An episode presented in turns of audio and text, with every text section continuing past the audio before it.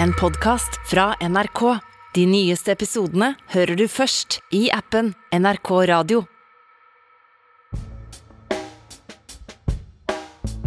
Hei og velkommen tilbake til Røverradioen her på NRK P2. I dag skal vi ha en påskespesialsending. Vi skal eh, snakke litt om egne erfaringer. Eh, vi skal også ha noe som jeg gleder meg enormt mye til, en påskerebus som jeg skal løse. Og den har du laget, Torgeir. Jeg har laget en, eh, en ørliten påskerebus, ja. I, eh, i god eh, påskehyttemodus. Ja. Det, det blir det, det blir en utfordring, men den tar jeg. Jeg gleder meg, som sagt. Um, vi skal også høre fra Oslo fengsel og litt erfaringer derfra. Um, men påsketoget, det handler vel om tilgivelse. Altså Jesus ofret seg for menneskehetens synder. Uh, men hva er dine erfaringer med påske? Eh, Mine erfaringer med påske, de er eh, vel mest av alt eh, ikke religiøse. Jeg, eh, jeg kommer fra et hjem der eh, det har alltid vært opp til oss sjøl hva vi har lyst til å velge å tro her i livet. Og det setter jeg veldig pris på, mamma og pappa, hvis dere hører på. Det gjør de. Det gjør de. Eh, men eh, påsken, i det store og det hele, så er det hyttetur. Eh, Istedenfor å feire påsken på en måte, så tar jeg, jeg tar imot den. Eh, hei, takk for påske og fri fra skole og Mm. jobb. Ja, og det, det er egentlig det samme her. Jeg er heller ikke spesielt religiøs. Jeg setter pris på påsken, for det har vært en sånn For meg, jeg har jo barn, så har det vært en sånn samlingsgreie der vi har reist på fjellet, stått på ski og kost oss. Um, så veldig lite religiøst, men um, Men jeg er glad i påsken. Ja, familie, samling i bunn Ja. og lave skuldre. Så, eh, men uh, som sagt, dette blir en uh, veldig bra påskesending. Uh, og jeg gleder meg veldig til den rebusen.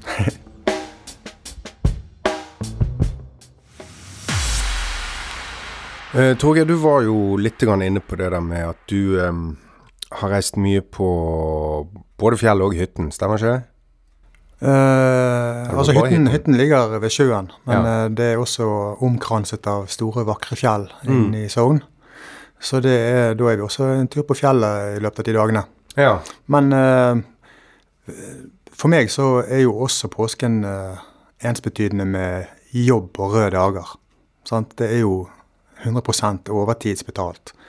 Og jeg husker når jeg eh, jobbet i Nordsjøen, så var det gjerne på du var på overtid på overtid, så du fikk 200 Og jeg hadde jo sånn her eh, type 25 000 hver dag jeg jobbet.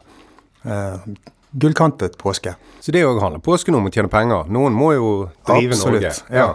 Um, men kan ikke du fortelle litt mer hva dere gjør inne i Bjordal, når du reiste inn der? Ja, altså hvis jeg går litt tilbake i tid eh, og, eh, og tar for meg en, eh, en typisk påske i, i ungdommen min, da, så begynte jo påsken med liksom å pakke bilen eh, hjemme på Valestrand. Gjøre seg klar til å reise på hytten. sant, og uh, Foreldrene mine pakket, uh, pakket alt som skulle være med. Da er jo vi gjerne, De var lærere, de er lærere, ja, pensjonerte lærere, så vi hadde jo en, gjerne en uke. Eh, pakket bilen, og så eh, er det en biltur på, på to timer innover i Sognefjorden. Eh, og nydelig landskap og natur. Og inne ved Matre cirka, så, så er det en fjellovergang.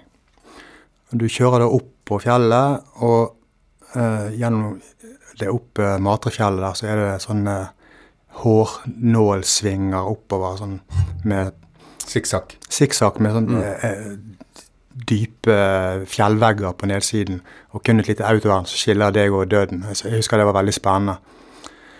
Og du kjører opp på fjellet, og så et eller annet sted midt på fjellet der, eh, så er da skiltet eh, Sogn og Fjordane. Det er sånn blått eh, skilt. Da kommer du inn i et nytt fylke. Og der tutet alltid pappa i Saben vår når vi kom eh, forbi det skiltet. Det husker jeg veldig godt. Og så kommer vi da eh, mot nedstigningen igjen til Sognefjorden. Og da kommer du til et visst punkt der, så plutselig så begynner du å se havet. Eh, og det var alltid litt like vakkert. Akkurat der når du, når du kommer dit og du ser fjorden eh, der nede, så kjente jeg alltid at pulsen sank. Og så var det samme type sånn vei med sånn dype skråninger og, og den visse død nedenfor autovernet. Kommer ned til fjorden, og så er det egentlig en, en kald hytte som ikke har vært oppvarmet. Nå har vi fått sånn her ring hytta varm-greie på Det er blitt high-tech nå. Nå er det blitt high-tech. Mm. Uh, ja, jeg forbinder det med lav puls. Og fiske, ikke minst. Da var det, som liten eller ungdom, så var det liksom bare rett ut av bilen. Og så var det bare å hente nøkkelen til, eh, til nøstet. Og så var det å løpe ned og hente ut fiskestang, og så ut på moloen og så begynne å ta de første kastene. Nå senere tid så har jo eh, Søsknene mine har jo unger begge to. Så nå er handler det jo veldig mye om de, da. Jeg har jo ikke barn sjøl. Eh, men jeg er onkel til en hel haug. Så da har vi eh, laget sånn eh, påskerebus. Eh, og eh, med påskeegg og selvfølgelig masse snop, og det er påskekrem, eh, og det er rødvin i glasset. Og min far er en ypperlig kokk, så lørdag nå på påskeaften så er det, så er det lam. Og eh, jeg pleide å gå på polet før vi reiste innover. Det er jo ikke pol i I sånn. Nei, knapt nok. Det er, det er jo sånn heimkok, vel. Ja, mye, sikkert mye av det. Ja. Så jeg, var, jeg har alltid ansvar for å kjøpe noen gode røde viner på veien innover. Så eh, senke skuldrene, ja. Lade batteriene. Og fiske. Det, jeg syns det høres utrolig digg ut. Og uansett altså, religiøs eller ikke, det er jo en altså, det er jo en fin ting å gjøre. Familien samles, og du har liksom denne tilhørigheten sammen med familien på ett sted der det er stille og rolig og fint og vakkert. Og, Ja, altså det her er jo uh, I disse dager her jeg sitter, så er jo det en ting som jeg uh, absolutt savner, og som jeg uh, kunne tenkt meg å vært med på. Mm. Og jeg Jeg ringer jo da til eh, familien, til med min mor eller min far eller min søster gjerne, eh, og får litt påske gjennom de. De forteller meg hva de gjør på der inne i Sognefjorden. Så får jeg litt feelingen av det. Mm. Så det er noe du kommer til å gjøre når du slipper ut herfra en dag? Til neste år i Ja. påsken så er jeg garantert i båten i Sognefjorden og oh, det høres nydelig ut. Fisker lyr. Ja, eh, jeg òg gleder meg til å feire påske på en annen måte enn her inne. Eh, men det kommer, det er ikke så lenge til. Det er ikke det. Og som vi snakket om eh, innledningsvis, så handler jo også påsken om tilgivelse. Eh, vi skal høre litt fra Oslo fengsel om eh, det å tilgi og bli tilgitt.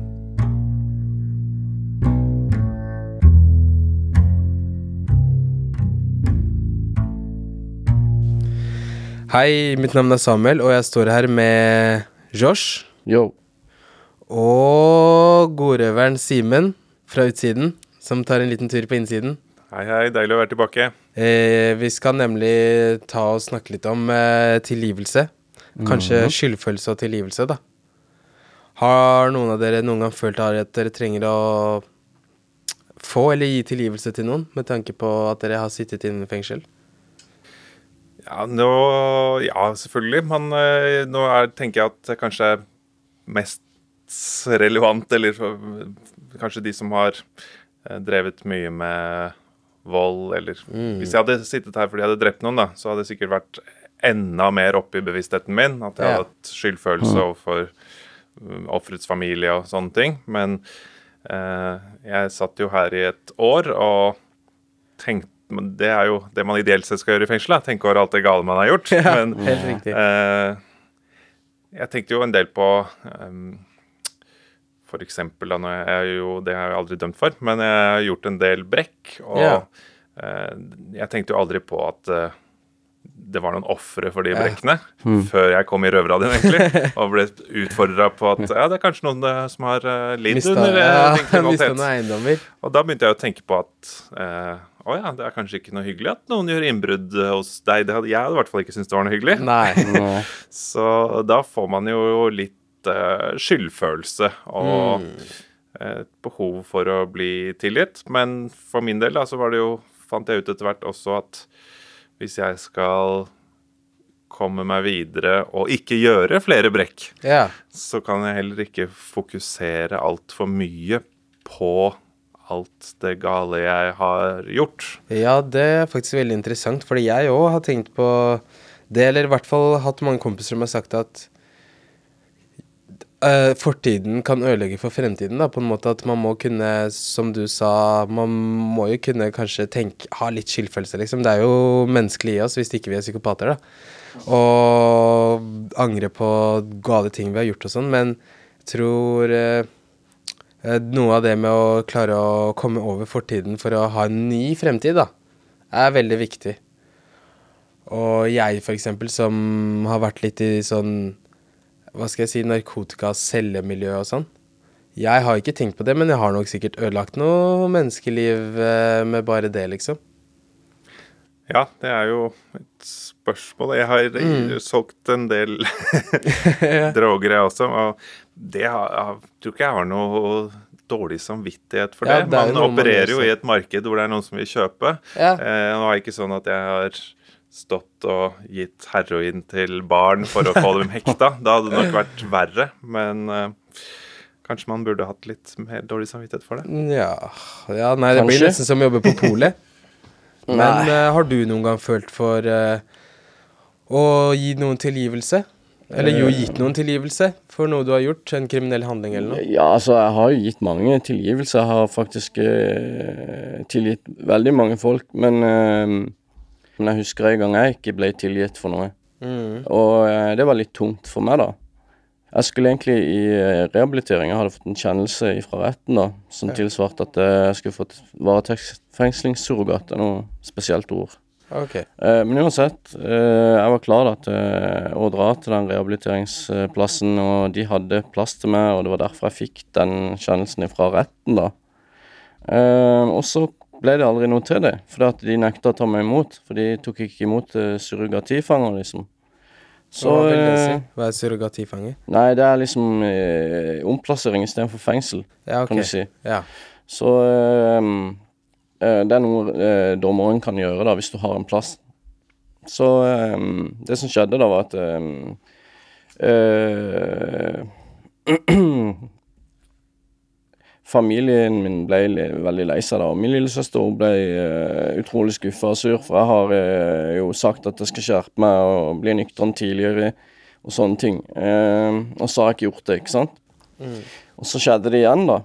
Og eh, da nekta hun å ha kontakt med meg, og eh, da liksom ble det ble så tungt, da. Eh, Jeg ble sittende inne mer. Det er jo på denne soninga her jeg snakker om, da. Så sånn at det endte opp med at jeg ikke hadde noe kontakt eller noe på over et år, da. Og hun var sur på meg lenge, og da fikk jeg, jeg fikk liksom ikke noen tilgivelse for det. Og eh, det, det var tungt, for det at eh, det, Er det et menneske jeg er glad i, så er det min lillesøster, liksom. Eh, absolutt. ja, det hørtes ikke bra ut. Det hørtes surt ut. Ja, det var det. Eh, Men det gikk jo over, da. Og nå i jula så hadde jeg en veldig koselig samtale med henne, alt går veldig fint nå. Så bra, så, Så- bra. Ja, det er jo som du kanskje også har, Simen, at det er jo noe med å få tilgivelse av andre, men også, du veit, å kunne tilgi seg selv for fortiden sin. Fordi jeg tror det har mye å si for soninga, da. Mm. At man kan kunne ha det litt bedre med seg selv, da. Fordi er det én ting man gjør her inne, så er det mye tenking. Mm.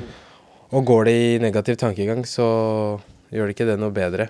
Nei. Nei, det er jo lett å tenke at at eh, Det er vel vanskelig å tilgi seg selv. Og nå har jeg kasta bort så og så mye av livet mitt, og eh, kanskje vært belastende for familie. Og Ja. jeg har også vært mange, en del på avrustning. og hver gang man går ut og sprekker, så får man jo litt dårlig samvittighet for alle som har vært på besøk og støtta deg og kjørt deg dit og kommet med sigg til deg. Ja. Eh, så Men man blir jo ikke noe mindre holdt på å si rusmisbruker av å uh, hate seg selv fordi man Nei. har feila, da. Så, Ja, Og så- tilgi seg selv for det som har vært, er, er nok helt Man er nok helt avhengig av det for å, Ja. for å komme videre. Og så blir det jo som du sier, Samuel, at man uh, må ha en viss grad av uh, selvbebreidelse for at man også skal se at det som har vært, har vært dumt, da. Ikke bare være helt psykopat og tenke at nei, det var ikke noe problem.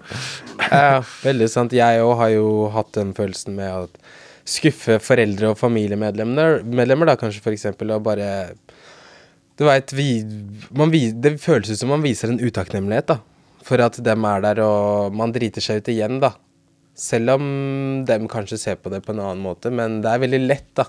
Som du sa, man blir lett og Jeg vet ikke, se ned på seg selv, og man blir ikke ja, som du sa, noe bedre eller noe rehabilitert på noen måte av å Så hvis jeg får komme med et par ord der eh, Jeg føler at eh, akkurat det emnet der, det er akkurat som når, når, man står der og man har liksom dritt seg litt ut, ikke sant, mm. og eh, man litt, føler seg litt utstøtt, så er det akkurat som man tyr til mer eh, bruk av narkotika og faller lenger og lenger ut på enn en burde ha blitt, liksom, hvis ikke.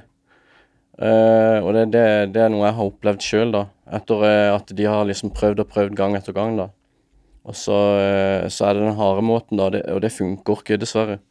Det er eneste jeg vil si til alle som Um, har familiemedlemmer som er på skråplanet, hjelp de så mye som mulig, ikke skyv de vekk.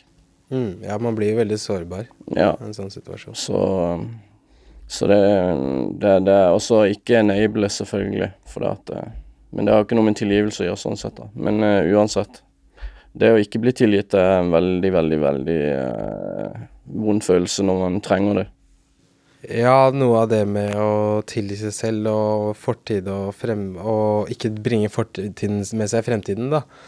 Da tenker jeg på f.eks. jeg har en lillebror som er noen år yngre enn meg, og jeg, som en storebror så føler man jo på en måte på det ansvaret av å være et godt forbilde. Og derfor så har jeg lyst til å En måte jeg har lyst til å tilgi meg selv på, i hvert fall, er ved å prøve å være et bedre forbilde for han, da. Og mm. være en kompis, da, på en måte, og ja. være den personen der hvor, uh, som han kan støtte seg på. Fordi jeg tror det er veldig viktig for uh, jeg vet ikke, folk generelt, egentlig. Og alle ikke, vil jo ikke prate om, med foreldrene sine om alt, ikke sant. Nei. Noen folk er heldige og har et veldig godt forhold, åpent forhold med foreldrene sine, men det er det ikke, dessverre ikke alle som har. Nei, det er ikke alle som har det. Og da er det greit å ha en person å ty til, da. I hvert fall en som forstår deg litt mer, kanskje. Mm. Så det tenker jeg i hvert fall å bruke Å tilgi meg selv på, på en måte. Av å fucke opp meg selv og fikse opp han istedenfor. ja, men da må du også huske det at uh, du er hans største forbilde, vet du. For det er sånn som jeg har uh, alltid vært. Uansett hvor langt nede jeg har vært, så har jeg liksom Min mi, mi søster sa det at jeg, jeg kjenner deg ikke igjen lenger, og du, du, er mitt største forbilde. Og du har alltid vært sterk. Har, det er uvant for meg å se det sånn. Og det, det gjorde noe med meg, da. Ja, det kan jeg tenke meg. Ja, det har vært en lang vei, men jeg skal klare å komme vekk ifra grøfta og ta meg sammen. Nei, det er aldri for sent. Nei. Innsatte i norske fengsler lager radio. Du hører Røverradioen i NRK P2.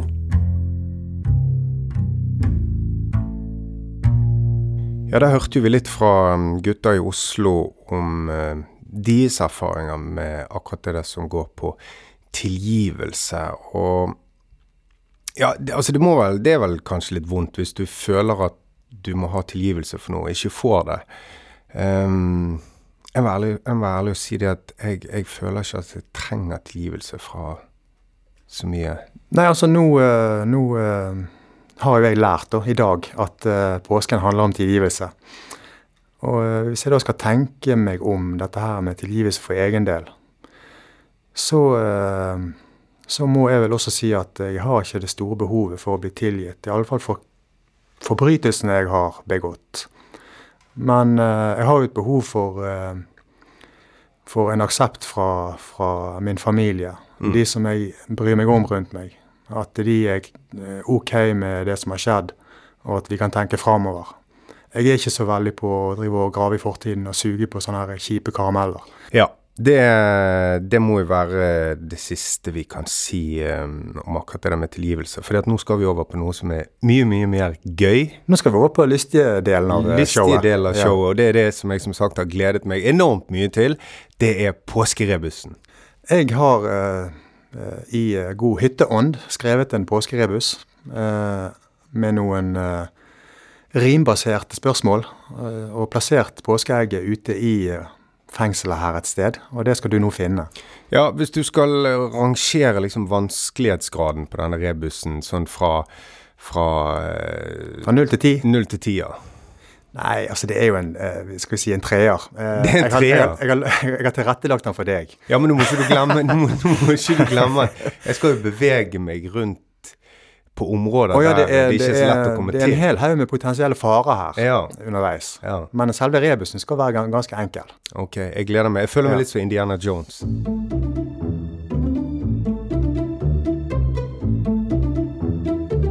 Ja, eh, Torgeir, eh, har du et eh, hint til meg, da?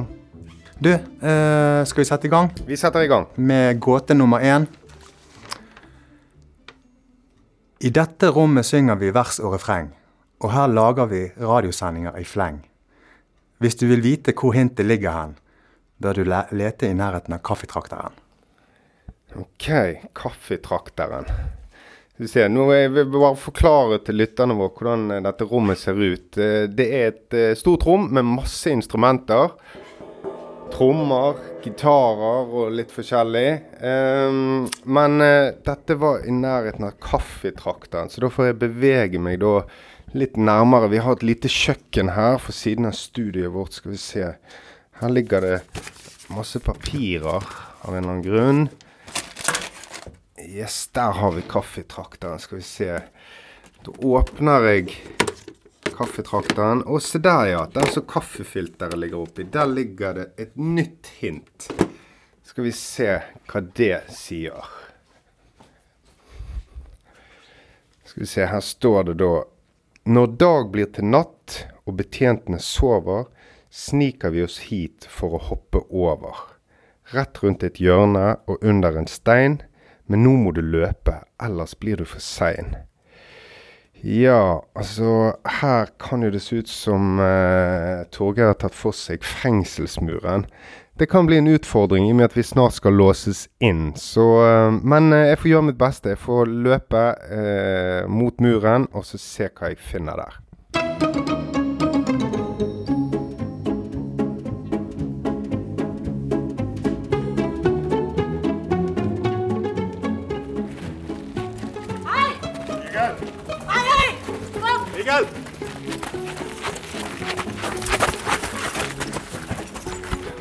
Nå løper jeg mot muren.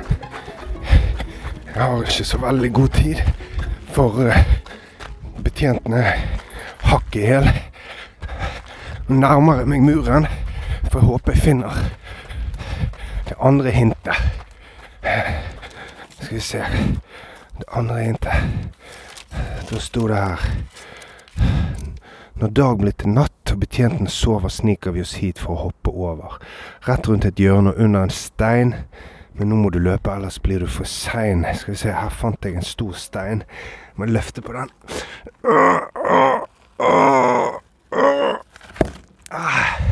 Der. Der var Der var tredje hintet. Skal vi se hva som står der. Hit kommer vi en gang hver 14. dag og fyller opp posen etter smak og behag. Hvis du ser under bokstaven G, finner du kanskje hint nummer tre. Hm, under bokstaven G. Yes, det må være biblioteket. Jeg løper bort på biblioteket.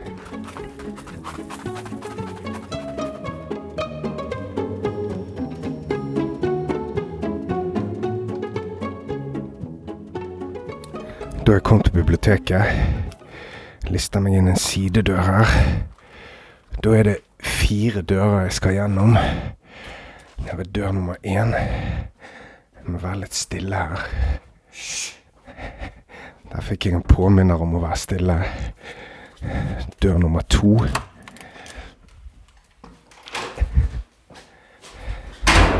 Dør nummer tre.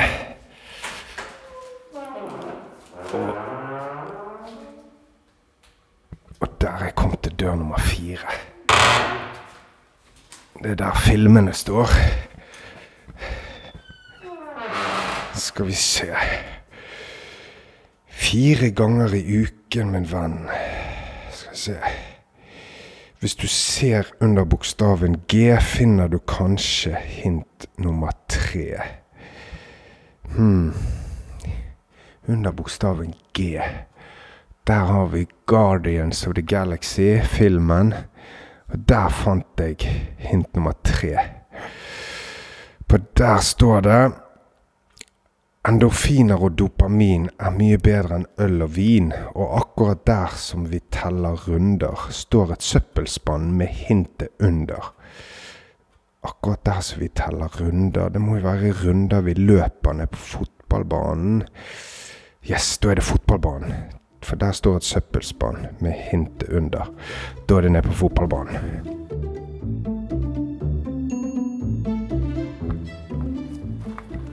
Da er jeg på vei ned mot fotballbanen.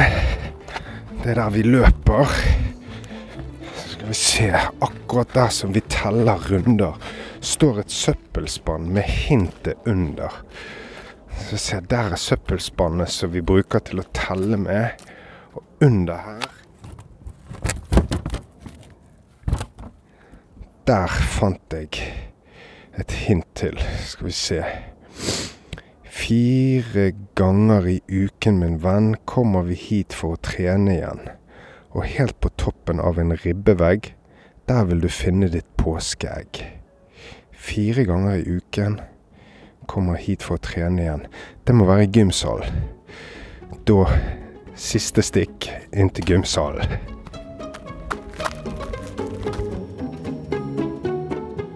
Nå står jeg utenfor uh, gymsal som vi trener i.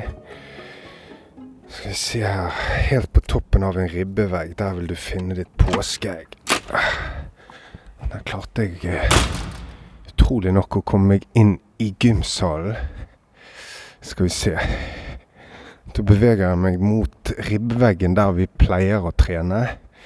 Det går stort sett i knebøy med jeg går på skuldrene til Torgeir, og han er på mine skuldre. Skal vi se, her har vi ribbeveggen. Dette er ribbevegg. Nå hører dere meg gå opp etter ribbeveggen. Ja, helt i toppen der. Der var påskeegget. Jeg fant det. Jeg rundet spillet. Her har vi det. Der fant jeg mitt påskeegg. Nå må jeg finne veien tilbake igjen til Torgeir og ja, vise han hva jeg, hva jeg klarte.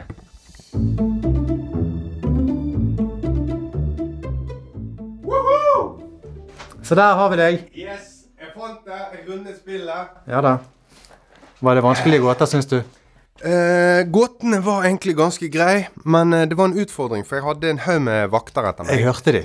Ja da, alarmen gikk. Jeg eh, måtte ly løpe, krype, svømme, fly. Altså, jeg måtte gjøre alt mulig for å komme meg til de stedene der hintene lå. Men Jeg lurte litt på om du kom til å komme deg inn på biblioteket. jo, da jeg kom meg inn på biblioteket. Jeg fant en eh, sidedør, og så kom jeg opp i ventilasjonsanlegget og krøp litt rundt der før jeg kom ned igjen. Så det var skikkelig Mission Impossible. Eller Missionary Impossible, om du vil. men, um, men det var gøy. Ja. Og um, Men en god påske, min venn. god påske. Jeg sitter her med påske. Jeg har ikke åpnet det ennå. Jeg tenkte jeg skulle åpne det nå. Det er delvis ting oppi der som jeg liker sjøl òg. Ja, ja. Skal vi se her. Mm, se her, ja. En pose med Twist. Det, det, det, det er alltid digg. Vern om dine favoritter. Vern om dine favorittbiter. Yes. Og her ligger det også litt forskjellig. Litt eh, sjokolade, litt eh, vingummi, surt, søtt og salt. Og, Denne kan jeg få med en gang. ja, denne kan du få. Vær så god. Ta deg en eh, sjokolade, min venn. Nei, dette var veldig hyggelig. Det var veldig mye digg oppi her. Og ikke minst, det var veldig gøy i jakten på, eh, på dette påskeegget. Nå er det egentlig bare for meg å komme meg eh, så fort som mulig opp på selen før eh, betjentene finner ut at jeg har vært eh, rundt om i hele fengselet og lett etter påskeegg. Så, eh, men det var veldig gøy. Tusen takk, min venn. Bare hyggelig. Røverradioen er laga for og av innsatte i norske fengsler. Tilrettelagt for streitinger av Klynge for NRK.